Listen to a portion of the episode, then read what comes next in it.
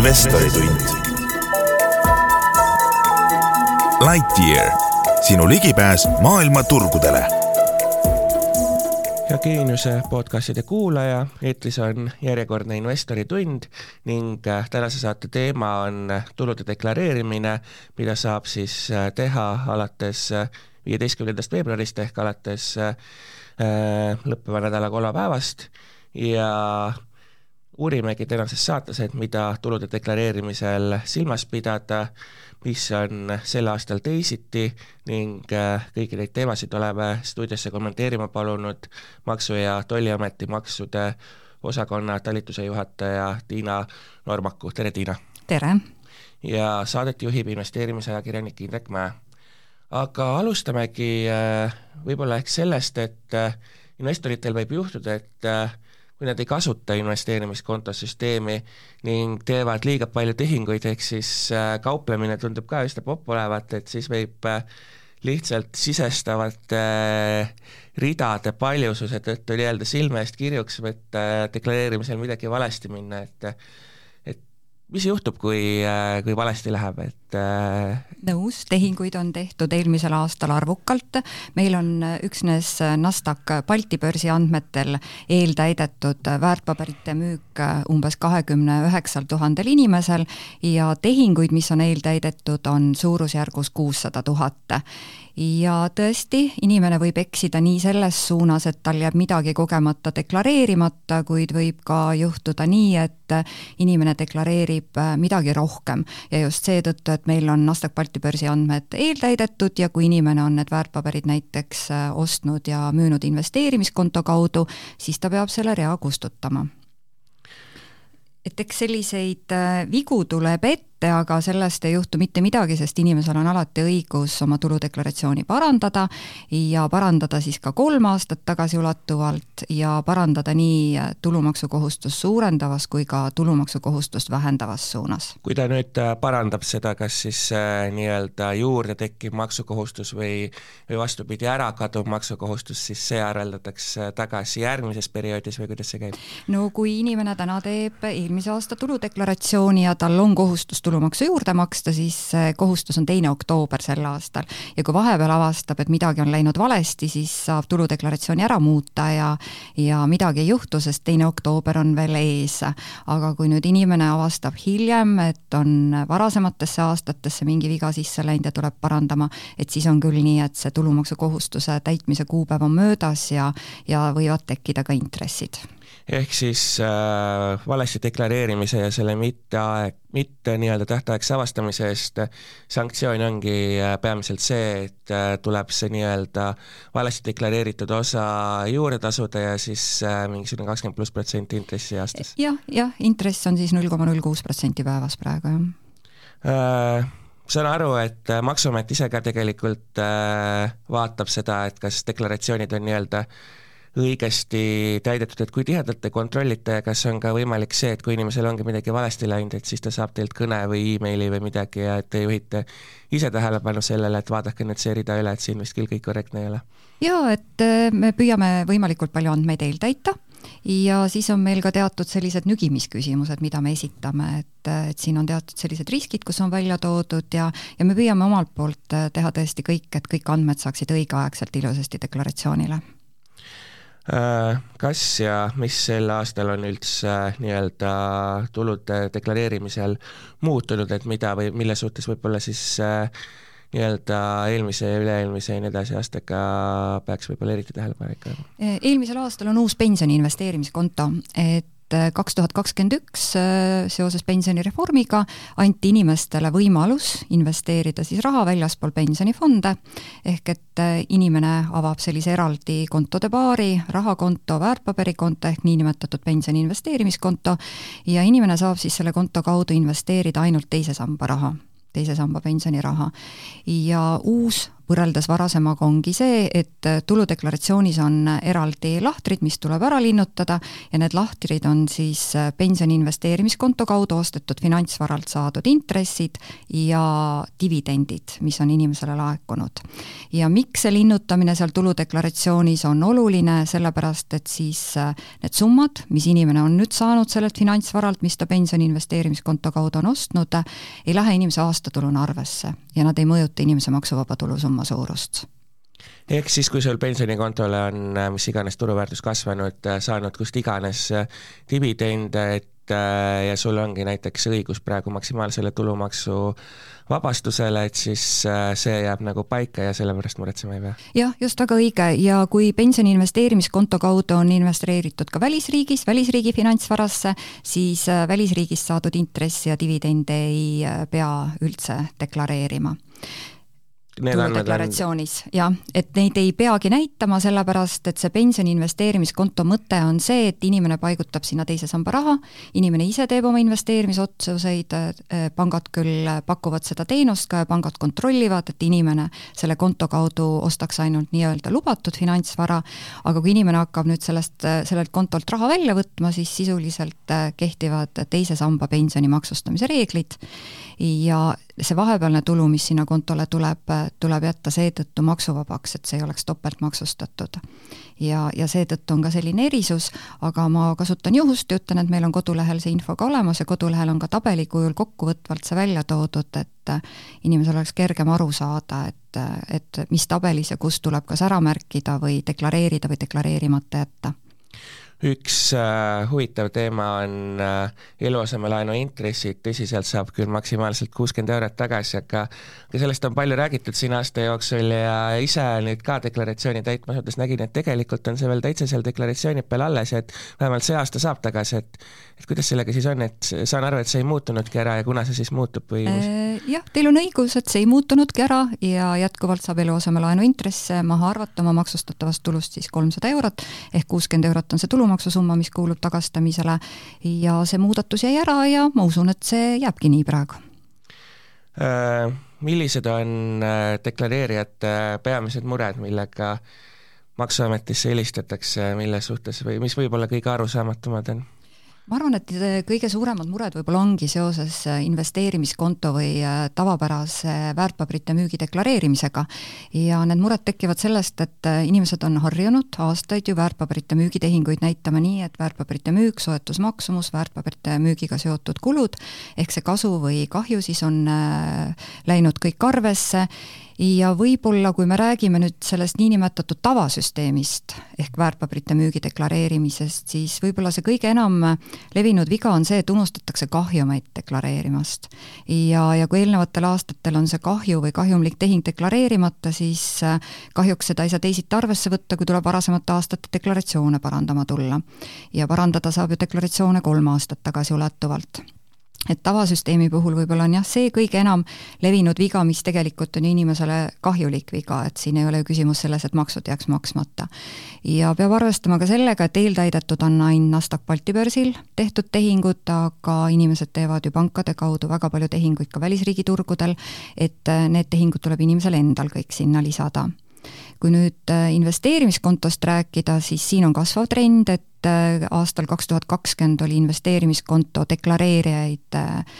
äh, umbes kaheksasada tuhat, kaheksateist tuhat inimest, kaks tuhat kakskümmend üks oli juba kolmkümmend kaheksa tuhat, ehk see arv kasvas ja investeerimiskontodel deklareeritud siis see edasikantav summa või see raha, mis siis inimesed on investeerimiskontole sisse maksnud, et sellega investeeringuid teha, et see summa on minu hinnangul väga kõrge, suur, see on seitsesada kümme miljonit nii et äh, inimesed investeerivad, inimesed paigutavad raha investeerimiskontole ja teevad seal erinevaid tehinguid. aga siit tulebki nüüd see erinevus sisse, millega inimesed ka eksivad, et kui tavasüsteemis me deklareerime väärtpaberite müügi, märgime ära oma soetusmaksumuse, kasu-kahju on oluline, siis investeerimiskonto puhul on oluline see raha, mis inimene sellele investeerimiskontole on sisse maksnud, ja see raha, mis inimene on sealt välja võtnud et neid finantsvara oste-müüke deklareerima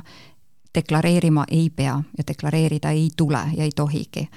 ja, ja kogu see arvestus on siis selle pealt, et see raha, mis on kontole pandud, millega on siis investeerimistehinguid tehtud ja inimene saab tulumaksukohustust nüüd investeerimiskonto kaudu siis nii kaua edasi lükata, kuni ta seda raha sealt kontolt hakkab üks hetk välja võtma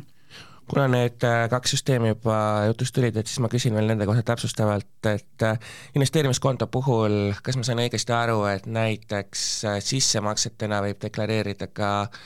ma ei tea, dividendid, sest nende pealt on juba justkui äh, väljamaksja tasandil äh, tulumaks kinni peetud. jaa, väga õige, et äh, kui inimene on investeerinud Eesti Äriühingu aktsiatesse näiteks ja see Eesti Äriühing maksab oma investoritele dividende, siis inimene näeb, et need dividendid on tal ka ju tuludeklaratsioonis kõik eeltäidetud, et siis on väga oluline need näidata ka investeerimiskonto sissemaksena, sest see on ju inimesele kasulik, see suurendab tema jääki, edasikantavat jääki ja selle võrra on inimesel ju tulevikus võimalik maksuvabalt rohkem raha välja võtta aga välisaktsiate puhul seda ei ole? Äh, välisaktsiate puhul on ka, kui välisaktsiad on välisriigis nüüd maksustatud, siis inimene peab need ise tuludeklaratsioonis deklareerima, et nad on maksustatud ja näitama ka siis investeerimiskonto sissemaksena. ehk siis see loogika, kui inimene nüüd vaatab oma pangakonto väljavõtet, et kui ta näeb sealt, et talt on tulumaks juba kinni peetud, et siis ta võib deklareerida need äh, siis vahet ei ole, mis äh, riigi dividendid, võib deklareerida sissemaksena. jah, just, ja, ja Eesti dividendide puhul on ka selle võrra lihtsam, et need on juba inimesel eeltäidetud, ta näeb, ta näeb neid summasid ka, aga siis sissemaksena näitab selle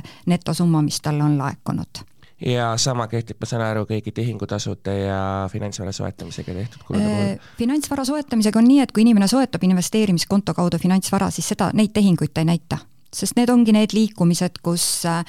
investeerimiskonto on ju iseenesest pangas avatud rahakonto ja kui inimesel läheb rahakontolt raha maha, siis tulevad ju väärtpaberikontole väärtpaberid peale, et neid tehinguid, mis see liikumine on, seda ei näidata, lihtsalt pangad on inimestele teinud ka eh, kogu aeg neid teenuseid üha mugavamaks, et on pangad, kes näitavad näiteks ühe libani peal sisuliselt inimesele nii raha kui väärtpaberid. ja võib-olla teinekord ongi seetõttu ka inimesel siis eh, keerukas sellest äh, investeerimismaailmast alguses aru saada. on väga kogenud investeerijaid, kellel on kõik selge ja on neid, kes alustavad alles, et et seal võib tekkida küsimusi. ja veel tavasüsteemi kohta ka, et ma mäletan, et ma ei ole ise küll ammu nii-öelda tavasüsteemis deklareerinud, kasutan ka investeerimiskontot, aga ma mäletan seda,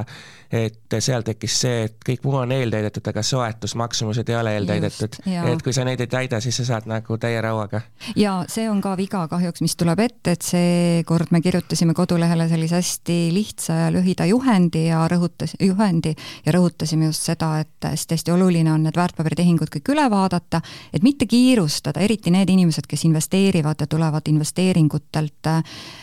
oma tulusid deklareerima, et võtta see aeg lihtsalt äh, ja vaadata üle. et sama on ka investeerimiskonto puhul, et kui te küsite, mis on need äh, suurimad eksimused, et inimesed unustavad deklareerimata ka sissemakseid ja, ja siis on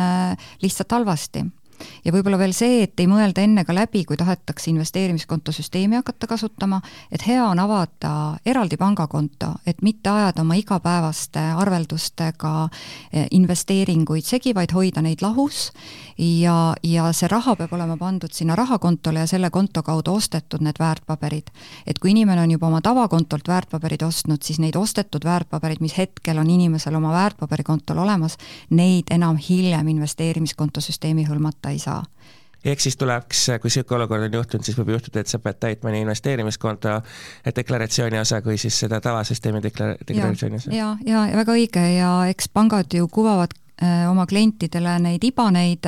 ja võib tõesti minna nii ekslikult, et sa kasutad vale pangakontot ehk investeerimiskontot ja teed mingi makse, mis on su igapäevane ost, et seetõttu on ka hästi oluline, et kuigi sulle tundub, et ma ei ole sel aastal teinud sissemakseid ega väljamakseid, siis tasub alati see konto väljavõtt üle vaadata ja veenduda selles ja siis pangast juba saata see aruanne meile. Kuivõrd äh, teeb äh, Maksu- ja Tolliamet vahel selle, vahet sellele, et kas eksimine on olnud äh, nii-öelda pahatahtlik või on lihtsalt tegemist äh, inimliku eksitusega ja kas see kajastub kuidagi siis ka hiljem inimeseni jõudvates sanktsioonides? jaa, sest et äh, meie eesmärk on ju, et inimesed saaksid oma tulud korrektselt ära deklareeritud ja meie eelkõige nõustame ja juhendame, kuidas seda teha. ja püüame ka rääkida, et äh, sel aastal oli ka tuludeklaratsiooni pressikonverentsil, me tõime välja just investeeringud, oligi see pealmine teema, millelt me rääkisime, tõime ka selliseid arvulisi näitajaid, et inimestel oleks sellega võib-olla noh, selline nagu huvitavam kuulata või, või vaadata ja, ja rääkisime just ka sellest tavasüsteemist, investeerimiskontosüsteemist ja loomulikult ka krüptost. et kui te küsite, kus on need eksimused, siis krüpto puhul on see, et äh, krüpto puhul tuleb deklareerida ainult kasumlikud tehinguid, et krüpto puhul kahjumlikke tehinguid arvesse võtta ei saa ja, ja, ja siin ongi see, et, et seda on ka vaja inimestele kogu aeg selgitada ja öelda, et eelmine aasta oli küll nagu me uudistest oleme lugenud, selline ränk aasta, kus toimus langus, aga siis kasumlikud tehingud eelmise aasta kohta tuleb ikka ära deklareerida. ehk siis, kui kuidagi illustreerida, et et ma ei tea, keegi sai äh, Bitcoiniga kaheksakümmend protsenti kahjumit, siis ostis kogemata õigel hetkel mingit muud coin'i, äh, sai sealt äh, viis protsenti kasumit ja siis, siis ta maksab ikkagi selle, kokkuvõttes on kahjumis, aga maksab ikka selle kasumi pealt tulumaksu ära. jah, just, jah ja see siis seisabki äh, põhimõtteliselt, ma saan aru, selle taga, et kui ühel hetkel äh, poliitikud otsustavad äh, krüptovarad finantsvaraks kuulutada, et siis, siis saab hakata alles kahjumeid maha arvama. jah, sest et praegu on kahjumeid lubatud arvesse võtta ainult väärtpaberite puhul ja investeerimiskontoga on siis see keerik-, keerukus, et investeerimiskontosüsteemi võib kasutada nii-öelda ainult lubatud finantsvara soetamiseks, et jah Äh, paljud investorid äh, investeerivad ka läbi erinevate platvormide, et võib-olla eestlaste seas kõige tuntum on Interactive Brokers, tegelikult ka Lightyear pakub siin äh, läbi oma äpi investeerimisteenust ja nii edasi, et et kas te suhtlete ka nende platvormidega ja ja olete teadlikud kõigist nendest tehingutest, mida seal tehakse või kas kuidagi on võimalik saada need tehingud kas või lihtsamalt teie teie nii-öelda eeltäidetud deklaratsioonile või, või kuidas, kuidas see suhtlus on? Neid tehinguid meil eeltäidetud deklaratsioonidel ei ole ja need platvormid meile andmeid ei esita. aga nõus, et inimesed teevad äh, väga paljude erinevate platvormide kaudu ja siin ongi oluline inimesel endal aru saada, et kui ta läheb investeerima, et äh, mis on see toode, mida ta ostab või mis on see investeering, kuhu inimene, et kui tegemist on väärtpaberitega ja seda eelkõige saavad need platvormid nüüd inimesele endale selgitada, kas tegemist on väärtpaberiga, on see aktsia, on see võlakiri, on see fondiosak, siis äh, inimene teab, kuidas ta seda deklareerib või mis võimalused tal on, kui on avalikult kaubeldava äh, väärtpaberiga tegemist, siis saab ka investeerimiskontosüsteemi kasutada, et, et siin on jah, hästi oluline, et enne kui inimene läheb investeerima, et need sellised üldised nimetajad võivad olla sellised, kus äh, selle nimetuse taga võib olla ka mitmeid äriühinguid. võib olla neid, kes äh, alluvad Eesti regulatsioonile, on neid, kes võib-olla Eestis pakuvad oma teenust ülepiirilise teenusepakkujana, et et, et on ka meie konsultantidel natukene keeruline, kui inimene ütleb ühe mingi lühikese nimetuse, et mul on siit ostetud see toode, et siis on keeruline kohe selle põhjal järeldada, et millega nüüd päris täpselt tegemist on aga kui defineeridagi ära siis, et mis asi see finantsvara on ja ka, et investeerimiskontosüsteemi puhul lubatud vara ja nii edasi, et tegelikult tõite juba välja väärtpaberid, ma saan aru, et aktsiad ja võlakirjad, nendega nagu mingeid probleeme ei ole, aga kui me hakkame siit edasi mõtlema, et kuhu investeeritakse kinnisvara, ühisrahastus, noh, saime teada, et krüptod ei ole finantsvara, aga aga mis veel, mis asi on finantsvara ja mis ei ole? jaa, see on äh, väga hea küsimus, et et äh, investeerimiskonto mõistes see niinimetatud või nii-öelda lubatud finantsvara ongi eelkõige aktsiad, võlakirjad, aga siin on see oluline, et nad peavad olema avalikult kaubeldavad ehk börsil kaubeldavad, siis äh, investeerimisfondide osakud, pangahoius, investeerimiskonto kaudu võib raha ka paigutada pangahoiusesse. ja mis siis ei ole investeerimiskonto mõistes finantsvara, on tavaliste osaühingute osad, no siin võib ka ära tuua startup OÜ-de osad, siis äh, kõikvõimalikud äh, ühisrahastusplatvormid, ehk siis äh, laenude andmised, välja antud laenud, kinnisvara, siis väärismetallid, kuld, hõbe, plaatina, millesse investeeritakse, valuuta, kindlasti krüptovaluuta või siis ka muu krüptovara. Jah, et kui investeerimiskonto puhul on asi lihtne, et siis noh, räägime veel korraks selle, selle nii-öelda üle ka, et maksukohustus tekib ainult siis, sel hetkel, kui ma hakkan võtma sealt välja rohkem, kui ma olen sisse pannud ja mitte miski muu ei loe? väga õige, jah. ja tegelikult meenub ehk oskate täpsustada veel nende sisse- ja väljamaksete puhul see, et et saan ma õigesti aru, et need sissemaksed peavad ületama väljamakseid nii-öelda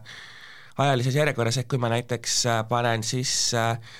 aasta alguses kolmsada eurot, siis võtan välja nelisada ja pärast seda panen sada, siis ma ei ole nullis, vaid mul on ikkagi tekkinud saja pealt maksukohustus. jah, väga õige, et arvestus käib päevapõhiselt, maksustamisperiood on küll kalendriaasta, aga investeerimiskonto tehingute puhul on arvestus kuupäevapõhine ja kui mingil ajahetkel aasta sees võetakse rohkem raha välja, kui sisse on pandud, siis tõesti tekib selle teie näite puhul toodud sajalt eurolt tulumaksukohustus, kuigi jah, aasta lõpuks inimene võib-olla on selle raha investeerimiskontole tagasi pannud, aga vahepeal on ikkagi rohkem välja võetud ja seetõttu tekib sellelt vahepealselt välja võetud rahalt tulumaksukohustus, jah. mainisite tegelikult finantsvara all ka pangahoiuseid, et ja. seal on äh, tegelikult vähemalt nii-öelda tavanõudmiseni hoiuste puhul on need intressid nii väiksed, et sa isegi ei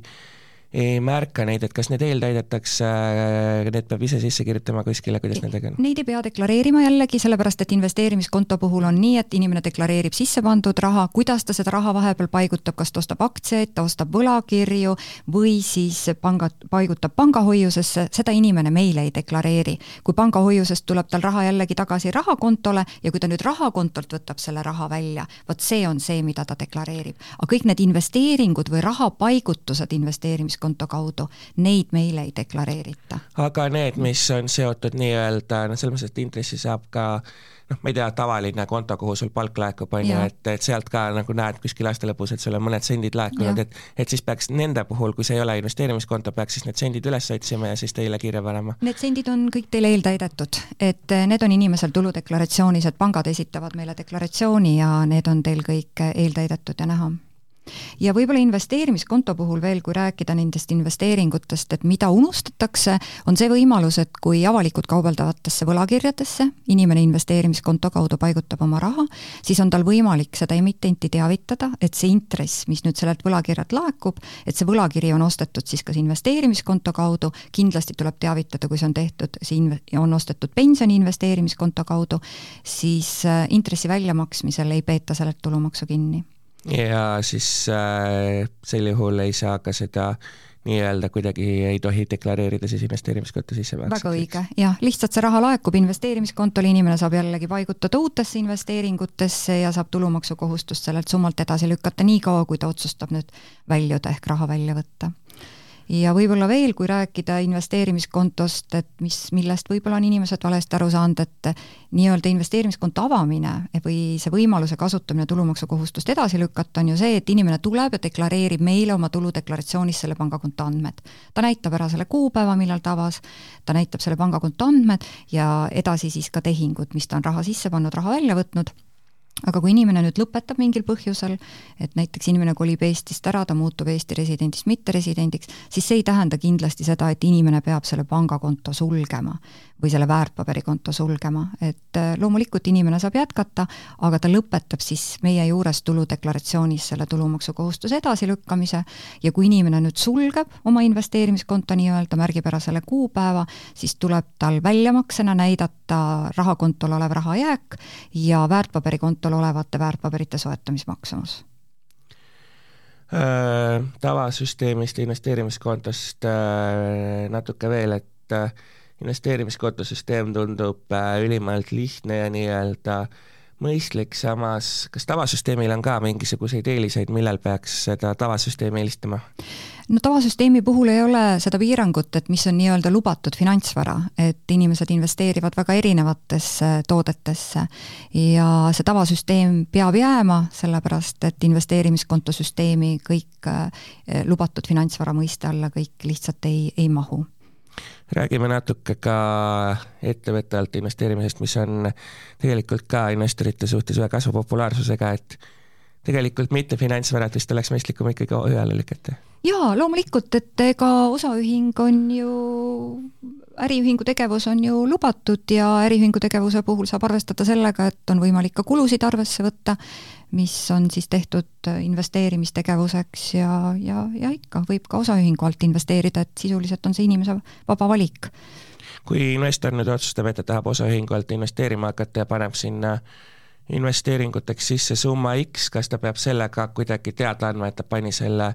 sinna sisse, et ta hiljem saaks selle nii-öelda maksuvabalt sealt ka kätte või kuidas see käib, kuidas see ära fikseerida? see nüüd ei puuduta inimese tuludeklaratsiooni esitamist ja seda inimene oma tuludeklaratsioonis näitama ei pea, küll aga jah, see puudutab äriühingu ehk osaühingu deklaratsioonide esitamist ja nüüd sõltuvalt sellest, et kuidas siis inimene selle investeeringu teeb, kas ta teeb siis osaühingu osakapitali, omakapitali sissemakse, et see tuleb kindlasti äriühingu deklaratsioonil ära näidata sest selle summa ulatuses on siis inimesel võimalik hiljem raha maksuvabalt välja võtta. Või siis ka, kui inimene teeb mitterahalise sissemakse osaühingusse, et ka see mitterahaline sissemakse tuleb siis osaühingu tuludeklaratsioonil, osaühingu deklaratsioonil, ütleme nii, ära näidata. et siis samamoodi saab inimene nii rahalise kui mitterahalise sissemakse hiljem siis selles ulatuses maksuvabalt äriühingust raha välja võtta, jah. ja kui kaua seda pärast selle sissemakse tegemist aega on teha? Äh, meil äriühingute puhul on nii, et deklaratsiooni esitamine, deklaratsioon esitatakse kalendrikuu kohta ja sel kuul siis, kui inimene selle sissemakse äriühingusse tegi, siis selle kuu kohta tuleb esitada äriühingu nimel deklaratsioon ja selles deklaratsioonis ära näidata, jah. see on maksudeklaratsioon DSD, mis esitatakse kalendrikuu kohta järgneva kuu kümnendaks kuupäevaks kas äh, mul on tekkinud õige pilt, kui ma mõtlen OÜ alt äh, investeerimisele, et et äh, juhul, kui ma ei tee endale mingisuguseid äh, väljamakseid, juhul kui ma ei ole, olen asutanud osaühingu äh, sissemaksete, mida on võimalik Eesti Vabariigis teha, ja sinna lihtsalt laekub mingisuguseid tulu, mida nagu investor edasi investeerib, et sel juhul sisuliselt ei peagi ta mingeid deklaratsioone täitma, et see tekib siis, kui ta hakkab osakapitali sisse maksma või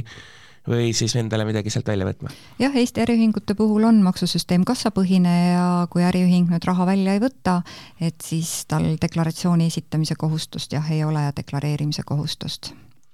äh, maksu- ja Tolliamet on tegelenud äh, viimastel aastatel üsna aktiivselt äh, selgitustööga ka selles vallas, et et nii-öelda OÜ alt tehe, midagi tehes, siis tuleks maksta endale õiglast tasu, et siis maksta sealt pealt ära ka siis tulu- ja sotsiaalmakseks.